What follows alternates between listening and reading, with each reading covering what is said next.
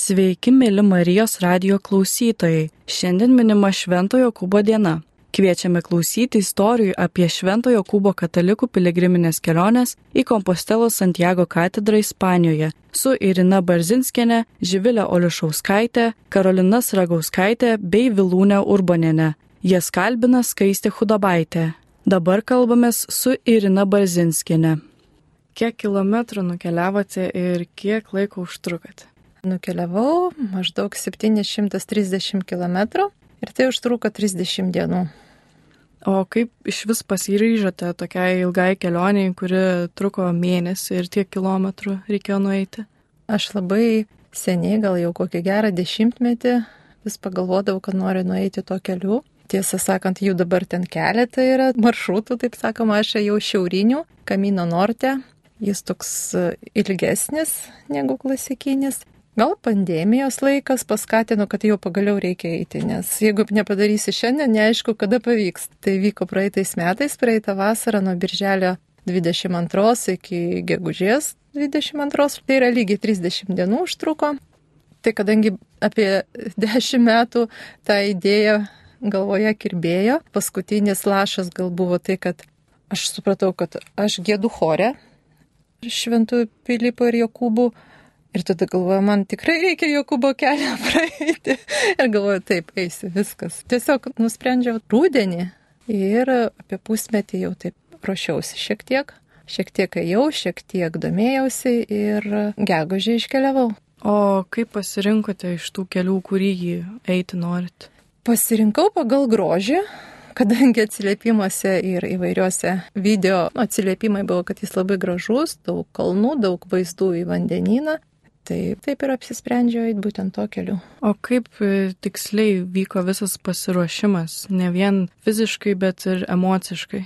nebuvo kažkokio pasirašymo emociškai, nes aš jau apsisprendžiau, kad aš eisiu. Tai beliko tik tai pasiruošti fiziškai, ta prasme, susipirkti kuprinę ir visus, visus kitus reikalingus dalykus kelioniai. Gal paskui tik supratau, kad nelabai pasidariau namų darbus, nes reikėjo gal daugiau pasidomėti apie tas vietas, pro kurias eisiu, ką galima būtų pamatyti. Nors kita vertus nuovargis buvo toks stiprus, kad papildomai vaikščioti, papildomai kažkur žiūrėti, nu, nebuvo tiesiog jėgų ir laiko. Na, toks buvo pirmas blinas, kai per daug maksimalistiniai tikslai buvo iškelti. O su kuo ėjote į žygį? Pagrindė aš ėjau viena, buvo kompanionas, su kuriuo mes e, vairavom, ta prasme mes mašiną važiavom iki Ispanijos, neskrydom, nes pandemijos vėlgi laikų nesinorėjo rizikuoti, kad e, skrydis neįvyks ar dar kažkas atsitiks. Tai kartais e, su juo ėjom, kartais atskirai, tai man labai patiko tas laikas eiti vienumoje, gamtoje ir kad kuo mažiau žmonių būtų aplinkui. O kokių lūkesčių tikslų turėjote ir kaip sekėsi juos pildyti kelionėje? Nežinojau, ko tikėtis. Taip jau praktiškai, nors turėjau kažkokiu romantiniu įsivaizdavimu, tokiu, kad, pavyzdžiui, eini, eini, ateini į vienuolyną, ten tave pasitinka vienuoliai su paprasta, bet skanė vakarienė, kartu galbūt bus myšios ir panašiai, bet viso šito nebuvo. Reikėjo kiekvieną kartą, kiekvieną dieną galvoti, internete rašyti, skambinti, ieškoti nakvynės visų pirma. Vėlgi dėl tos pačios pandemijos ne visi nakvynės namai veikia tuo metu. Tad buvo toks pirmas tikslas buvo tiesiog surasti, kur gyventi, kur pernako tiksliau ir ką pavalgyti. Nes e, kartais eini laukais visą dieną, turi tikrai tos dalykus apgalvoti iš anksto. Tad e, tai, ko aš tikėjausi, kad čia bus e, galbūt pabendravimas, vat, būtent su vienuoliais, galbūt myšios ir viso šito nebuvo, reikėjo pačiai susirasti, kur mišės nueiti, nes kelias dažnai labai vedė per gražiais keliais, bet, pavyzdžiui, bažnyčia, jinai labai sena, bet tik pastatas uždarytas, užrakintas ir tik tai lentelė gali pasiskaityti, kas čia buvo kažkada. Tai va tokie lūkesčiai mano nepasiteisino, tačiau buvo labai daug kitų atradimų, stebuklų, stebuklėlių ir dėl ko sako, kad kelias visą duoda, ko reikia, tai va tas posakis, kurį girdėjau, tikrai pasiteisino.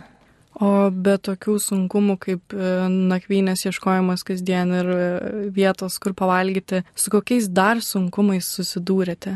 Tai fiziniai sunkumai, didelis nuovargis, raumenų, sanarių skausmai. Na ir buvo klausimai, kodėl aš čia einu, kodėl aš čia taip vargstu, kam to reikia. Ir e, tais momentais, va tais sunkiausiais momentais, Žinoma, visat padėdavo malda ir malda už tos e, žmonės, už tuos, tiksliau tai yra buvo vaikai. Ėjau su tokia intencija pasimelsti už vaikus, sergančius vaikus, aš dirbu kinesterapeutė su neįgaliais vaikais. Ir e, kažkaip dėkojau Dievui, kad mano šeimoje visi sveiki ir e, ta mintis, kad aš melžiuosi už tos vaikus, už jų sveikatą, Tai va, jinai mane kažkaip labai stiprino. Tai tas e, padėjo visos kelionės metu. O dar užsiminėt prieš tai apie atradimus, tai kokie tie atradimai buvo? Pačios jau kelionės pabaigoje grįžus į Lietuvą iš to tokio posakio, kad mes visi broliai ir seserys, tai kaip ir tikito ir savaime aišku, bet aš po kelionės aš kažkaip atrodo savo kailių pajutau, kad mes tikrai visi broliai ir sesis tas žmonių geranoriškumas, ta pagalba va tokiam nepažįstamam, tokiam iš vis piligrimui, kur šiandien atėjo rytoj išeis, tas dalykas galbūt labai paveikia va tą supratimą, kokie mes esam visi susiję, kiek daug bendrumo mes turim, nors ir nepažįstami žmonės. Tikiu, kad kelionėje tikrai labai daug pamatėte, tai kokie buvo įsimintiniausi objektai arba vaizdai arba kažkokie reiškiniai? Objektai, tai žinoma, ta jau galutinio tikslo katedra Santiago de Compostelai. Vaizdai gamtos, gamta buvo visokia ir kalnai, e, šviečiant sauliai ir liūtis. Pagrindė gamta, taip, pagrindė gamtos vaizdai buvo nuostabus. O ar buvo kokiu nors nepaaiškinamų reiškinių, lik atrodo kažkas sakytų, kaip kažką veikti, kaip daryti, kad kažkas įkvėpia naujų jėgų kitai dienai. Kasdien galbūt to nebuvo, nes buvo ir tokių bemėgių naktų, bet to poilsio normalaus, nes nuo kojų skausmo tiesiog negali miegoti, o reikia kitą dieną keltis ir eiti didelio kažkokio įkvėpimo kiekvieną dieną nebuvo, aš negalėčiau pasakyti, nu, tiesiog tau reikia ir eini. Tačiau buvo labai smagių, ainų nutikimų. Aš tai sakau draugams, kad tai buvo stebuklai. Draugai sako, čia tiesiog sutapimai.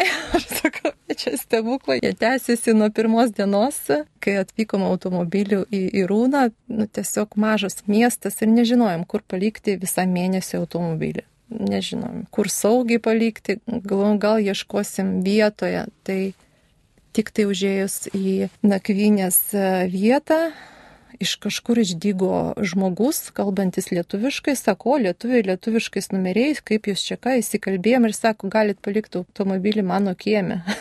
tą visą mėnesį toks, wow, iš karto pirmas toks stebuklas. Paskui buvo vieną dieną aš apsinodėjau maistu ir kitą dieną tiesiog negalėjau eiti, o negali nakvoti toj pačioj vietoj.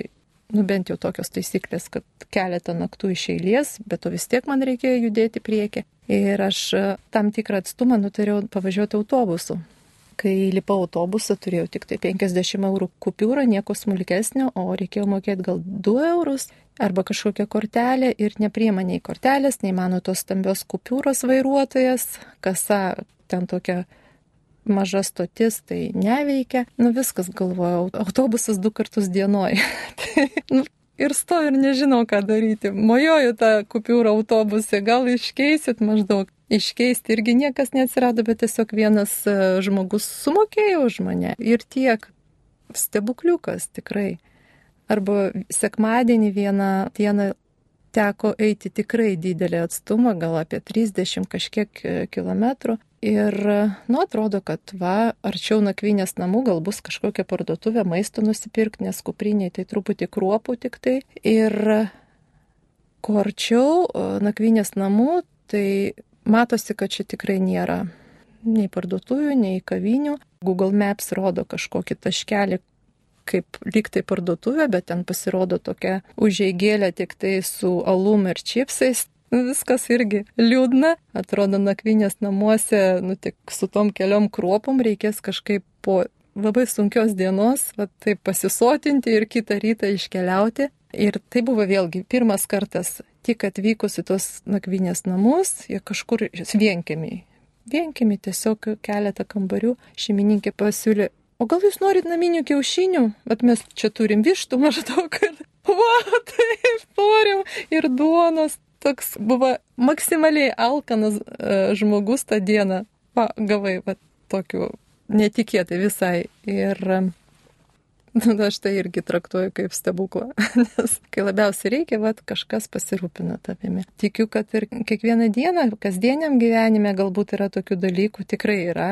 Galbūt e, dėl mūsų to tokio bėgimo, lėkimo, darbų, būties, gal tiek nepastebi tų stebuklų, stebukliukų. O kai ekstremali faktiškai situacija, kai tu vienas, alkanas galbūt, galbūt dar kažkokioj sunkesniai situacijai labai jaučiasi stipriai ta kitų žmonių pagalba ir žinoma Dievo pagalba.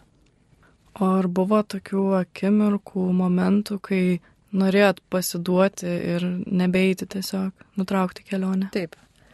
Tai buvo, vat būtent tą dieną, kai aš apsinuodėjau ir um, man vis tiek reikėjo eiti, galva tiesiog plyšto nuo skausmo, karštis, iki nakvinės vietos vėlgi apie 30 km ir sunkus maršrutas ir aš kažkaip tiesiog kažkurioje vietoje prie sustojimo poilsio vieta ant žolės atsiguliau ir sakau, nu, savo pati sako, viskas užtenka, čia apie 10 dienų praėjau, daug ką pamačiau, suprantu, kas tai yra. Gal jau važiuosiu prie vandenino ir ten praleisiu likusi laiką, pasideginsiu, bet tiesiog save už pakarpos pakėliau ir ėjau. Tas silpnumo akimirka buvo, kaip paaiškinti, kad vis tiek nemečiau, nežinau. Ar planuojate vykti dar kartą?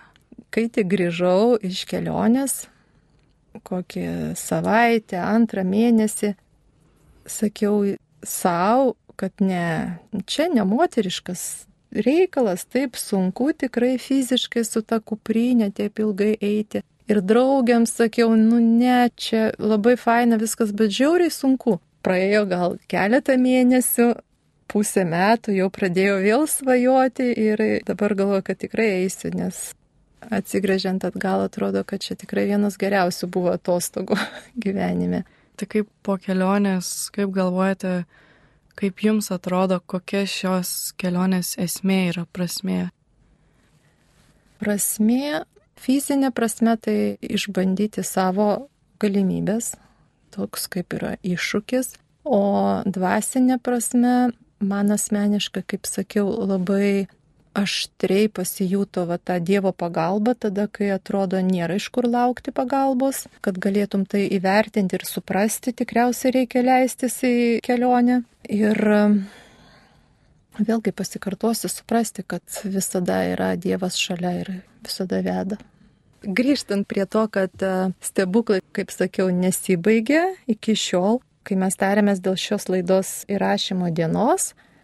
Visų pirma, noriu pasakyti, kad Marijos radija mano tiesiog vienintelis radio, kurį klausau nuolat ir myliu.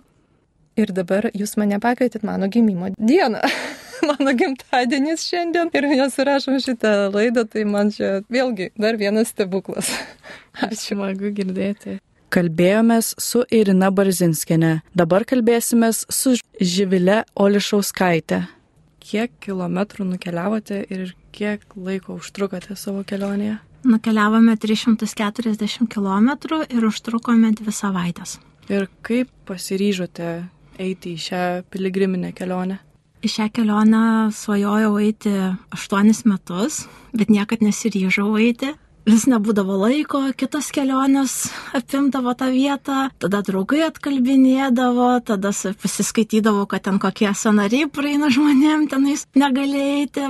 Ir būdama Kiprė, buvo ten mūsų daug šeimos narių tiesiog pasižadėjau visiems, kad eisiu ir tada nebuvo kito kelio ir teko eiti. O kaip nežinau, ar vaikai patys norėjo, ar kažkaip padrasinot, e, paskatinot, kaip sekėsi tą daryti. Tiesiog buvo taip, mes vaikščiame kelioniai ir mano krikšto mama pasakė, kad va, aš ruošiuosi eiti į piligriminę kelionę į Santiago kelią ir aš taip sakau, nu gerai, aš irgi einu, pasirašau su tavim.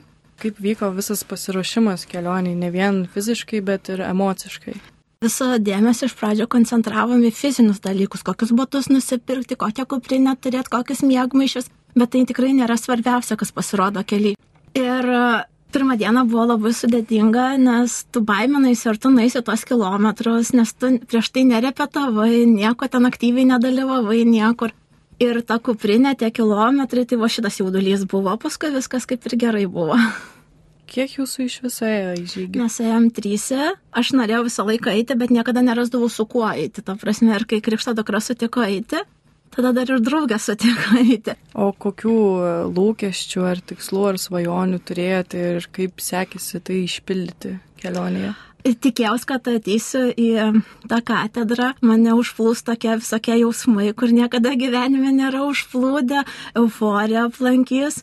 Bet dvi dienas prieš tai supratau, kad nu nieko panašaus ten nebus, nes ten iš tikrųjų masė tų žmonių eina ir aš ten būsiu toj minioje ištirps ir taip toliau. Ir tada galvoju, va, dabar visi klausimai gyvenimo ateis tą dieną, kai ten pasieksiu tą katedrą, bet tikrai nieko nebuvo. Ir turbūt tie atsakymai visi atėjo tada, kai jau grįžau namo, dvi savaitės pabuvau, Ir tada viskas susigulėjo ir tada atėjo tas jausmas, kad viskas lypi paprastume ir kiekvieną dieną ten yra nu, tiesiog džiaugsmas, ta prasme, kiekviena dienoje pastebi kažkokį džiaugsmą.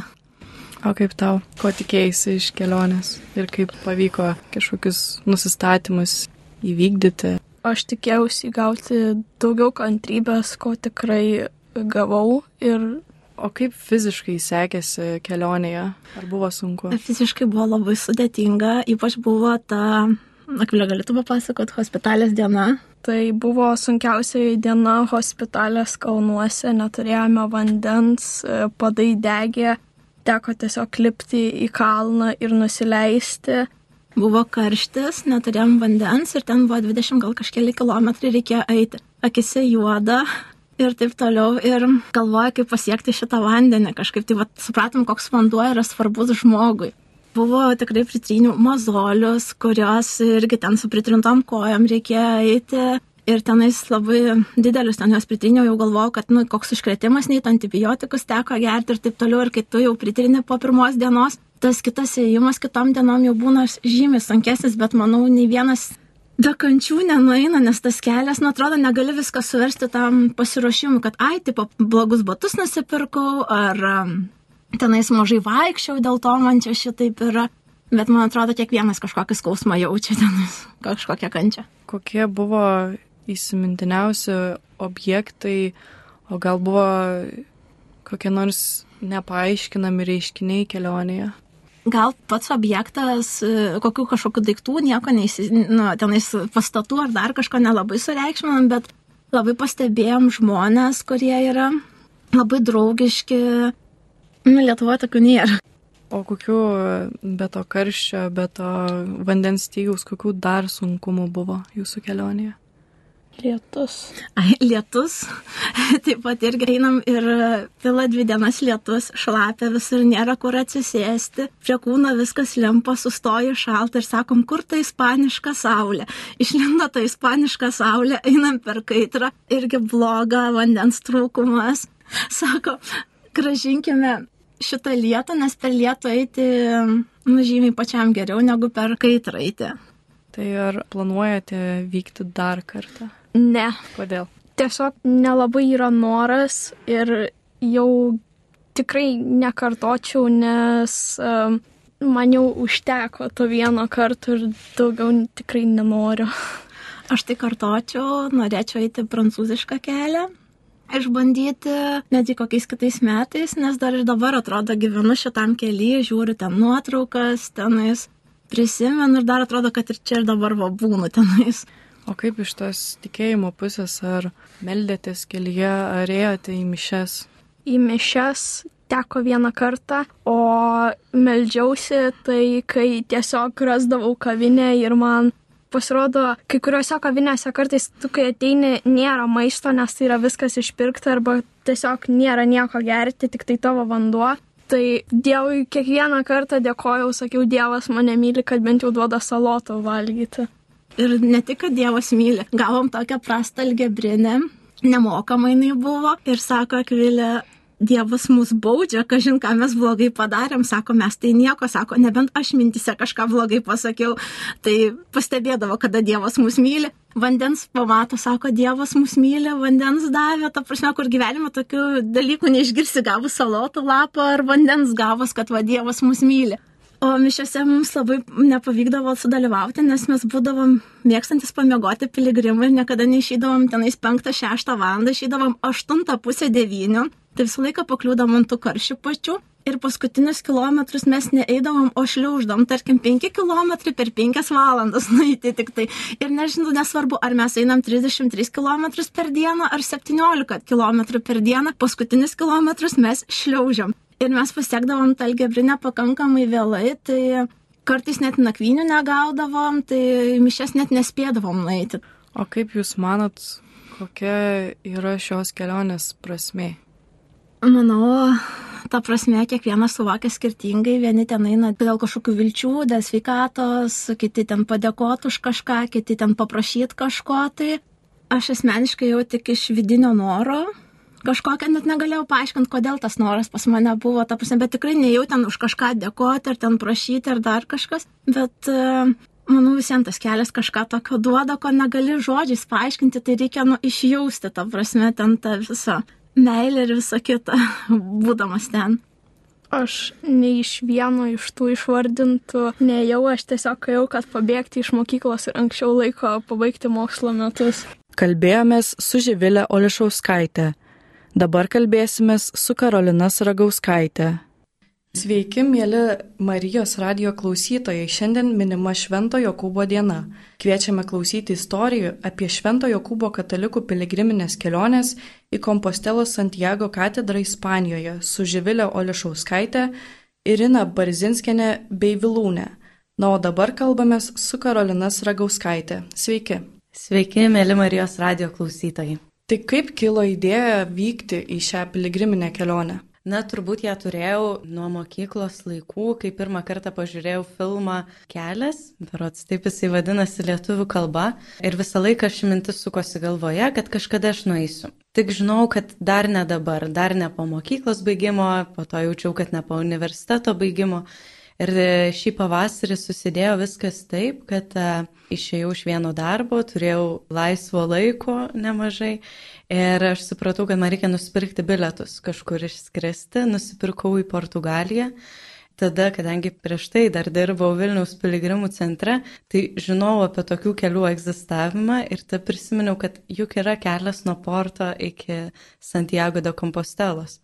Tuomet viską susižiūrėjau dar kartą ir žiūriu, kad puikiai man tinka, labai gražiai atrodo ir e, bus toks, na, turiningas atostogų praleidimo būdas, turiningas laiko praleidimo būdas eiti būtent šiuo keliu iki Santiago de Compostelos. Tai tarsi išpildyti šį tokį savo troškimą, eiti turbūt visi galvoja apie tą prancūziškai, kuris trunka apie 30 dienų ėjimas, tai aš savo jo pasakiau, kad dar turbūt nėra metas man eiti šito mėnesį trunkančio laiko kelio, o šitas, kurį aš ėjau 13 dienų, buvo pats tas mano tuometiniai nuotaikai, būsenai, nežinau, santykiui su Dievu atnaujinti, kaip kokios rekolekcijos surinkti viską ir save, ir visus santykius į kažkokį tais vienį.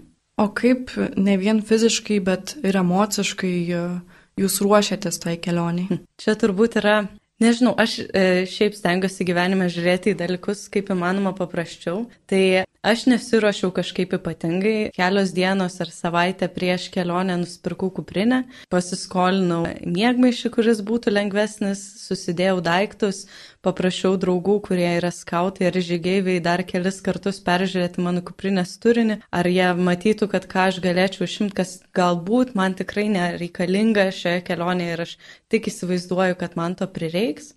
Nu ir tiek. Nežinau, man turbūt sunkiausia buvo nusipirkti biletą, bet jau kai tai padariau, viskas kažkaip ėjosi labai paprastai. Leidau savo taip pat e, galvoti, kad galbūt bus labai prastas oras, galbūt aš ten, nežinau, eidama kažkaip, nežinau, fiziškai negalėsiu, viskas skaudės. Tai leidau savo turėti tą tokią išeitį, kad man nebūtina nueiti, aš noriu nuvykti, vadinasi, jeigu kažkur aš sustosiu, aš važiuosiu autobusu ar kokią, ne, nežinau, transporto priemonę, bet turėti tokią laisvę ir lengvumą šitame kelyje, kad tai, aš kaip sakiau, tai yra, man buvo džiaugsmo kelias, nes aš tikiu, kad katalikai ir tikinti žmonės turi spinduliuoti džiaugsmu, nepaisant to, kokiuo jie keli eina, o aš nenoriu būti surūgusi, tai stengiausi, vat taip. Ir iš tikrųjų dabar aš prieš pat kelionę įstojau visas įmanomas socialiniam tinkle Facebook grupės susijusias su Santiago de Compostela ir aš matau, kaip žmonės ruošiasi, kad tai yra jų gyvenimo kelionė ir jie į tai labai daug investuoja. Tiek pinigų, tai reiškia, pirkdami geriausią įrangą, kuri būtų lengviausia ir keliais gramais lengvesnė negu kita, tiek ir savo laikote, mąstydami ir ruoždamiesi metus prieš tai eidami, vaikščiodami, išbandydami visą tai, ką turi.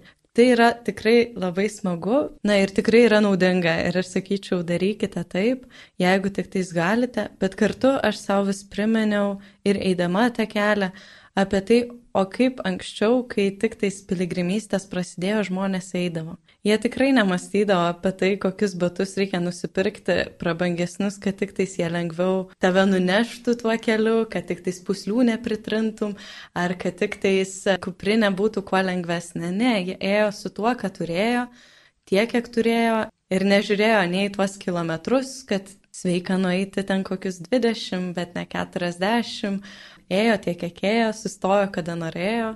Tai aš taip irgi stengiausi šiek tiek paprasčiau žvelgti ir eiti. O kiek kilometrų jūs nukeliavote? Teoriškai ant mano kompostelos yra užrašyta 260 km, telefonas rodo, kad nuėjau apie 300. Na tai aš sakau, kad kažkur tarp šitų yra turbūt teisybė, kažkur buvo pritrapsėta daugiau, kažkur gal mažiau. Tai vat. o su kuo ėjote į žygį? Ėjau viena. Nėra taip lengva įkalbinti žmonės. E, tai kažkam čia atostogas vis tiek reikia pasimti, ar tai kažkoks piniginis klausimas. Tai aš nusprendžiau, kad aš netidėliosiu ir eisiu viena, bet e, kaip aš sakiau, kad galiu nuvykti už ten poras tūkstančių kilometrų nuo Lietuvos ir galvoti, kaip čia eisiu vienas, bet e, kelias ir yra tuo įspūdingas ir smagus, kad iš tikrųjų tu nesi vienas. Jeigu nori būti, tai visos pilnos galimybės tau su niekuo nebendrauti ir eiti tyloje, bet jeigu tik atsiveri, aš pavyzdžiui pajaučiau tikrai ne pirmą dieną, kad aš noriu bendrauti ir pažindintis, tai buvo gal kokia antros dienos pusdienis ar trečia diena, tai žmonės tiesiog atsiranda ir tu su jais gali kalbėti, kalbėti apie tai, kodėl eini šį kelią. Ir čia truputėlį susipažinau su viena mergina, tai jinai e, pasakojo apie tai, kad vienoje vietoje, kur jinai buvo apsistojus, gyveno žmonės, kurie atostogavo. Ir sako labai keista, nes mūsų kelias ėjo palei vandenyną, tai toks gražus, vaizdingas. Ir e, sako, mes bandėm kalbėtis vakare, bet mums niekaip nepavyko rasti bendros kalbos dėl to, kad ta mergina, nepaisant to, sako, kad aš matau, jog na, jinai tikrai yra smagi, draugiška, bet buvo taip sunku rasti bendrą kalbą dėl to, kad jinai neina šito kelio, o mes visi einame. Ir aš tada maščiau kitą dieną, ką jinai papasakojo, kad Taip, būtent tai, kad nesvarbu, kiek tu nuėjai kilometrų, tu gali būti tik pradėjęs eiti ir nuėjęs penkis kilometrus, bet sutikęs kitą žmogų, tu turi neišsemiamą klodą temų, valandomis, jeigu ne dienomis, kalbėti apie tai, kodėl tu eini, kiek nuėjai, jeigu užkabini tą, kodėl tu eini, žmogus atsiveria, nes tai būna kažkokie tais labai asmeniniai dalykai ir tu tą žmogų iš karto pažįsti. Ir pažįsti turbūt daug geriau negu kai kuriuos savo kasdienoje sutiktus žmonės, nes jų neklausi šitų giluminių klausimų. Ir e, smagu dėl to, kad tikrai aš atėjau Santiago jau ne viena, e, su viena mergina, vokietė, su kuria susipažinau. Tenais jau pačiame mieste jau buvo atvykę irgi mūsų draugai, kiti sutikti pakeleiviai, tai mūsų buvo visai nemaža kompanija. Išku juokinga, nes tai buvo vokiečiai ir aš, bet buvo smagu. Mūsų jau gavosi beveik pilnas dešimtukas žmonių, bet per beveik dvi savaitės sutiktų žmonių pakeleivių. O su kokiais sunkumais susidūrėte kelionėje? Na, turbūt e, toks pirmasis, tai aišku, toks buvo ten, kad šiek tiek pirmomis dienomis pritrynę valynę, bet tai toks gal psichologinis buvo sunkumas, kai galvoji, kodėl tu eini šitą kelią ir reikia vis savo priminti, kad jo galvoji, eidamas pro tas visas gražias vietas, kad jų galėčiau aš tiesiog išsinuomoti čia kažkokią tai skambariuką, gyventi prie vandenyno, tiesiog išeiti pasivaikščiot. Kam aš vilku tą kuprinę, kam aš čia žygiuoju vieną. Bet tai yra gera. Po to galiausiai taip pabūni kokią valandą laiko mąstydamas apie tai, na, ypatingai kažkokiuose sunkiuose momentuose, bet yra gražu. Nežinau, aš gal turbūt buvau užtrukus tokia labai po karantino, tai man jaučiausi, aš sakiau, kad kaip mergaitė ištrūkusi iš kažkokios uždaros patalpos ar uždaro, nežinau, kaimo, miškelio trobos, nes Nu, mane viskas džiugino, aš nebuvau ilgai mačiusi apelsinmedžios, citrinmedžio, augalai, gamta. Tai viskuo tik tais reikėjo spėti gerėtis ir čia buvo man turbūt sunkumas priminti savo. Man buvo didžiulė pamoka, kurią vis dar kažkaip nešiojuosi ir stengiuosi įgyvendinti kasdienoje, tai sustoti, nes aš pirmomis dienomis savo neleidau to padaryti, sustoti, pabūti, pasigrožėti tuo, ką iš tiesų Dievas sukūrė mums kaip po pasigėrėjimo, atsipalaidavimo vietą. Tai man buvo sunku, aš po to visiems pasakau, kad turbūt gal kokią tik tais penktą ar šeštą dieną aš tai išmokau padaryti, nes galiausiai sustojau ir tiesiog grožėjausi vandenynu ir kiti piligrimai juokėsi iš manęs, sako, laiku supratai, nes jau kaip ir nebedaug beliko eiti. Nežinau, man turbūt kitas sunkiausias momentas buvo, kadangi dirbau piligrimų centre, tai aš žinau, ko tikėtis, plus minus, tai nebuvo mano kažkokie dideli lūkesčiai užkelti, kad nežinau, tai vyks mano gyvenimo kažkoksai atsivertimas, įvykis, kažkas pasikeis jau kardinaliai, tai aš taip dėl to taip turbūt paprastai žvelgiau, bet man nebuvo, pavyzdžiui, sunkus, kai sutinku žmonės, jie visi man sakė, kad aš esu vienintelė tikinčioji, kurie sutinka šitame kelyje. Aš to tikėjausi, bet buvo smagu sutikti to žmonės, nes jie džiaugiasi sutikę mane ir jie sakė, pagaliau, pagaliau, sako, mes galvojam, kad niekas neina šito kelio iš tikinčiųjų, čia turbūt labiau ateistų kelias patapęs, bet uh, mes po to kalbėjom su jais ir turėjau tokią dieną apmąstymo, o tai kuo mes skiriamės, kai kurie dalykai, dėl ko mes einam šitą kelią, sutampa. Ir aš sakiau, kad, na, turbūt mums skiriasi tai, kad, sakau, aš einu su malda, aš medžiuosi rožinį kiekvieną dieną, ar tai stangilestingumo vainikėlį. Bet sakau, turbūt jūs irgi turite savo kažkokį tais na, neinate, nežinau, galbūt tikite kažkokią tais visatą ar gėrį, su kuriuo irgi pakalbate. Tai šitas kelias, jo, buvo, buvo tai įdomu pamatyti, bet nebuvo sunku suvokti. Kas buvo man sunku suvokti ir ką vis dar nešiojasi, kad žmonės nėra, mano galva, labai smalsus ir kad jie eina dvi savaitės, tris mėnesiai, pusantro, gali būti ir ilgesnis laiko tarpas iki Santiago de Compostela ir jie pasirenka tai kaip savo tikslą, bet nepasidomi, o kas yra šitas kelias, kodėl jis yra, nes buvo tokių atvejų, kur mes kalbam nu, ir man atrodė, nu paprasta pasakyti, ten nežinau, šventasis Jokūbas ir daugelį žmonių atsisukė sakydavo, ką, kas toks? Ir aš galvoju, kaip tu gali nežinoti, aš nesakau, kad dabar atsiversk ir būtinai tikėk juo ar Dievu, bet na bent pasidomėk, kur šis kelias veda. Tai labai kažkaip taip man buvo keista, aš kai atvykau jau į Santiago miestą ir pasiekiau tikslą, tai labai daug laiko praleidau arba katedros viduje besimelsdama, arba išorėje tiesiog besigrožėdama ją. Ir aš mačiau, kiek daug žmonių ateina į tikslą, jie pasidžiaugia ir jie išeina. Ir jie nenueina į vidų pasigrožėti, kokia tai yra įspūdinga architektūra bent jau. Na vis tiek tu praleidai šitiek daug laiko eidamas, tai kurgi tavo smalsumas pasižiūrėti, o kurgi tu ėjai, kodėl tu ėjai ir kaip šitas kelias iš vis yra atsiradęs. O kaip manote dabar jau po kelionės, kokia yra prasme keliauti, eiti tą kelią ilgą? Aš, kai dirbau piligrimų centre, ateidavo pas mus žmonės keliaudami pusę metų, metus, du, tris ir sakydavo, dar mano kelionė tęsis keturis metus einant.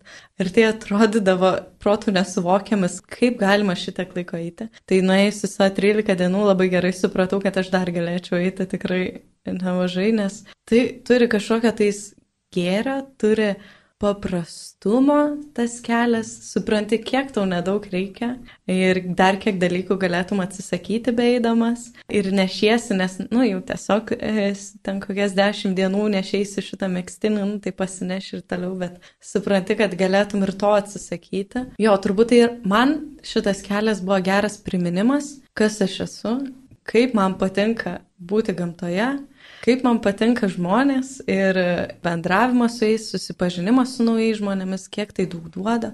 Man tai buvo geras priminimas ir mano santykis su Dievu, patikrinimas toks, nežinau, nepatikrinimas toks, jo, turbūt į gilį vedantis, tikras santykis, turi viskam laiko.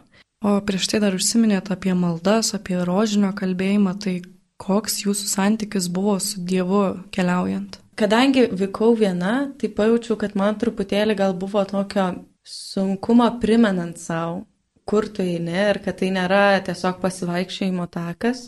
Turbūt tai gerai man įstatydavo maldos į vietas, nes aš esu, nežinau, kokį rožinio maldą pasilikdavau tada, kai man sunkiausia yra kokie 5 km, nes aš jau buvau apskaičiavus, kad tai yra apie 5 km ėjimo trukmės. Nežinau, mano santykis yra toks, turbūt tai pavadinčiau gyvu, kaip su bet kuriuo žmogumi. Tai kartais jis yra kažkoks ypatingai artimas, kartais truputėlį kažkoks, bet reikia vėl priminti savo, atrasti tą santykį ir investuoti į jį, nes tai yra kaip po iš dviejų pusių santykis. Dievas visą laiką laukia, tik reikia atsiliepti, tai bet reikia savo priminti atsiliepti. Noriu klausytojams priminti, kad šiuo metu kalbamės su Karolina Sragauskaitė apie Šventojo Kūbo kelią. Prieš tai jūs sakėt, kad dar norėsit keliauti. Kaip įsivaizduojat kitą savo kelionę, kokia ji bus? Hmm. Man liko dar viena atkarpa, tai aš čia galvoju, kad reikėtų kažkada nuskristi, tai yra nuo Santiago iki Finisteros. Kiti, kurie ėjo ir mes tam po to susirašėm su jais, tai sakė gražiausias atstumas, kuris gali būti. Nežinau, šiaip turbūt galvoju, tai eiti Italijoje yra Pranciškaus kelias. Yra daug tokių kelių, bet aš gal savo parodžiau, kad e, tai yra labai geras ir kokybiškas atostogų praleidimo būdas, kad tam gali atrodyti ir dėl to noriu kalbėti žmonėms, kad tai nebūtinai Santiago kelias reiškia mėnesį laiko, kas ne visi turi prabangą pasimti atostogų tiek laiko, bet va galima eiti dvi savaitės, jeigu truputėlį greičiau eisite, tai ir trumpiau, ir atrasti tą savo būdą ir keliavimą kažkaip prisitaikant ir įtraukiant į savo gyvenimą. O ar kelionėje jums pavyko pasiekti savo tikslų? Na, aš nežinau, kai manęs klausdavo einant, o koks mano tikslas, jau kai sužinodavo, kad aš tikinti ir ką aš tikiuosi atrasti Santiago de Compostela mieste, tai aš sakiau visiems, kad, na, aš einu į mišes. Tai sakau, nežinau, tikiuosi nueiti mišes ir prie Jokūbo kapo pasimelsti. Tai tą aš padariau ir tai buvo gera. Tai, tai žinau, mano toks buvo tikslas, aš jį įgyvendinau. Ir tiek, nežinau, vad sakau, kad man turbūt tai buvo tiesiog apie priminimą ir atradimą savęs iš naujo. Kalbėjomės su Karolina Ragauskaitė. Dabar kalbėsimės su Vilūne Urbanene. Tai kaip kilo jums idėja eiti šį kelią? Aš turbūt senai svajojau ir mano svajonė buvo nueiti Jokūbo kelią, perskaičius Paulo Koelho knygą Piligrimas. Vėliau, aišku, buvo filmai, davai ir, ir tiesiog nebuvo laiko, buvo gyvenimas įtemptas ir pilnas atsakomybių ir darbų. Tai 2018 metais atsirado laisvas tarpas ir nu, tiesiog aš susapnavau kelią ir nusipirkau bilietų, susikrovau kuprinę ir iškeliavau. Kiek kilometrų nukeliavote ir kiek laiko užtrukote?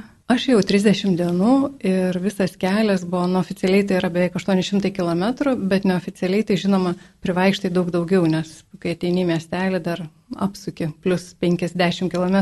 Tai 800 nuo San Žempė de Porto iki Santiago. O kaip vyko pasiruošimas kelioniai, ne vien fiziškai, bet ir emociškai? Labai geras klausimas, iš tikrųjų fiziškai aš visai nebuvau pasiruošus. Aš buvau nusipirkus batus, pasiėmiau kuprinę ir lankiau pilatėsą porą metų. Visi mano pasiruošimai, tai buvo pirmas mano nuotykis. su kuprinė ant pečių ir visiškai kitoks e, atostogų būdas. Tai išėjau viena ir labai pasitikėjau Dievu. O kokių lūkesčių turėjot arba tikslų ir kaip juos kelionėje sekėsi įvykdyti? Kelias mane nustebino ir mano vienas buvo toks tikslas, kad, nu, kad aš naičiau galvojau, nu, gal nueisiu šimtą kilometrų, bet jeigu nueisiu, tai čia jau bus iš tikrųjų, jeigu pasieksiu Santiago, tai čia wow. Bet keliai viskas labai keitėsi ir iš tikrųjų atradau daug daugiau negu kad tikėjausi, tai mano tie lūkesčiai buvo viršyti nu, labai ženkliai ir labai stipriai. O kelionėje koks buvo jūsų ryšys su Dievu? Kaip čia pasakyti, turbūt mūsų santykis su Dievu jisai keičiasi per visą gyvenimą ir tuo metu, kai aš išėjau Jokūbo kelią, aš galvau, kad nu, jis pakankamai stiprus ar ne, ir asmeniškas, bet kelionėje visam per 800 km iš tikrųjų atradau daug, atradau skirtingą santykį su Dievu, su aplinka, su žmonėms, su gamta ir tikrai viskas pasikeitė. O su kokiais sunkumais jums teko susidurti einant? Gal pasimiršta tie sunkumai, fiziniai nuovargis, aišku, jis yra, bet e, galbūt tas džiaugsmas ir suvokimas, kad kiek nedaug reikia ir užtenka lovos, dušo, maisto vakare ir tu iš ryto vėl gali eiti. Tai aišku, buvo iššūkių, skaudančios kojos, be galo skaudėjo, nes avalynė nebuvo profesionali ir patogi, bet kaip aš visiems sakiau, ko su kuo tai eini, einu viena, einu su Jėzumi, o jis jau pasirūpins. Tai tikrai pasirūpino. Ir ar buvo kokiu nors nepaaiškinamų kažkokių reiškinių, atrodo kartais gali baigtis jėgos, bet iš kažkur gauni tų jėgų. Ne, tai iš tiesų nepaprasta eiti, tikrai sunku ir tikrai pavargsti. Reikia savim pasirūpinti, kad galėtum įveikti kiekvieną tą atkarpą, kaip ir gyvenime, taip ir kelyje. Bet aišku, daug atsitikimų, kai prieina žmogus, pakalbina, ne vienas tada daug lengviau, ar ne, paskutiniai kilometrai visada sunkiausi būdavo. Gal taip? Tai o kaip jautėtės eidama kasdien tiek daug kilometrų emociškai? Aš pavargdavau, aš pavargdavau, kojas skaudėdavo, bet pavargęs kūnas teikdavo daug džiaugsmo ir laisvės ir to suvokimo, kad galima nueiti, kad jeigu aš galiu nueiti, tai kiekvienas gali nueiti, nesu nei sportiškas, super, nei fiziškai pasirengus nebuvau. Man tai didelis džiaugsmas būdavo. O kaip Jūs manote, kokia yra šios kelionės prasme? Vėlgi čia turbūt kiekvienas skirtingai, nes žmonės išeina Jokūbo kelią vieni praleisti atostogas, kiti save ieškoti naujų iššūkių ir juos įveikti, kiti atrasti save iš naujo. Tačiau man atrodo, kad kiekvienas išėjęs Jokūbo kelią, jisai atranda tai, ko ieško. Nu, galbūt netgi ne tai, ko ieško, bet dar daugiau. Netgi paprastas atostogų leidimas atrodo nieko tokio šiandien bet kiekvieną paliečia individualiai ir pakeičia gyvenimo būdą, gyvenimo suvokimą, prasme apie darbus. Ir noriu klausytojams priminti, kad šiuo metu kalbame su Vilūne Urbanienė. Tai dar norėčiau, kad pasidalintumėte apie įspūdžius arba pojūčius jau po kelionės, kai grįžote? Iš tikrųjų, aš grįžau ir buvo pakankamai sudėtinga atrasti save pasikeitusią toj senoje aplinkoje po mėnesio buvimo kitur. Tai galbūt tai buvo vėl nauja kelionė ir mes žinom, kad Jokūbo kelias tai jisai prasideda, kai tu grįžti iš tikrųjų, ar ne, tas tikrasis. Tai galbūt 800 km padėjo nusileisti iš galvos į širdį ir pradėti gyventi kitaip. O ar planuojate vėl vykti į šią kelionę, eiti tiek daug kilometrų ir pajausti vėl tos pačius pojūčius? Iš tiesų, tai po 18 metų aš 19 metais ėjau iš portugališkos pusės, į Santiagą įžengiau Vėliau aš ėjau Kamino Lituano ir šiemet aš irgi nuėjau į Santiago, bet nuo Kamino primityvo keliu. Tai trečias kartas buvo šiemet susitikti su Jokūbu. Ir, bet jeigu pajusiu, kad noriu, tai tikrai eisiu. O ar į visas keliones ėjote viena? Pirma kelionė buvo viena, antra kelionė viena, trečia kelionė buvo su dukra ir su draugu. O tai kaip jums atrodo, ar į tokią kelionę geriau eiti vienam, kad pabūtum su savimi, ar visgi geriau pasiimti kartu žmonių, kad ir jie tą patį pajaustų, bet na jau ne vieni būtumėt. Man atrodo, kiekvienam skirtingai ir kaip susiklosto gyvenimas, aplinkybės, ko kiekvienas nori. Vienam galbūt reikia tikrai erdvės laiko savo. Ir tikrai gerai eiti vienam ir tu tikrai ten nebūni vienas. Yra tų žmonių. Iš kitos pusės gerai eiti vienam, nes tu gali jausti save, savo tempą, kiek gali eiti, kokius atstumus, nepriklausomai nuo kompanijos ir nuo draugų. Kai eini su kuo nors, tada, žinoma, visai kitas ėjimas, nes vienas kitų rūpinėsi daugiau galbūt negu kad visais kitais, kurie aplinka tuo metu būna prie tavęs. Su Vilūne Urbanienė, Irina Barzinskienė, Živilė Olišauskaitė bei Karolina Ragauskaitė kalbėjomės apie Švento Jokūbo piligriminės kelionės į Santiago de Compostela. Čia buvau aš, Skaistė Hudabaitė ir iki kitų kartų.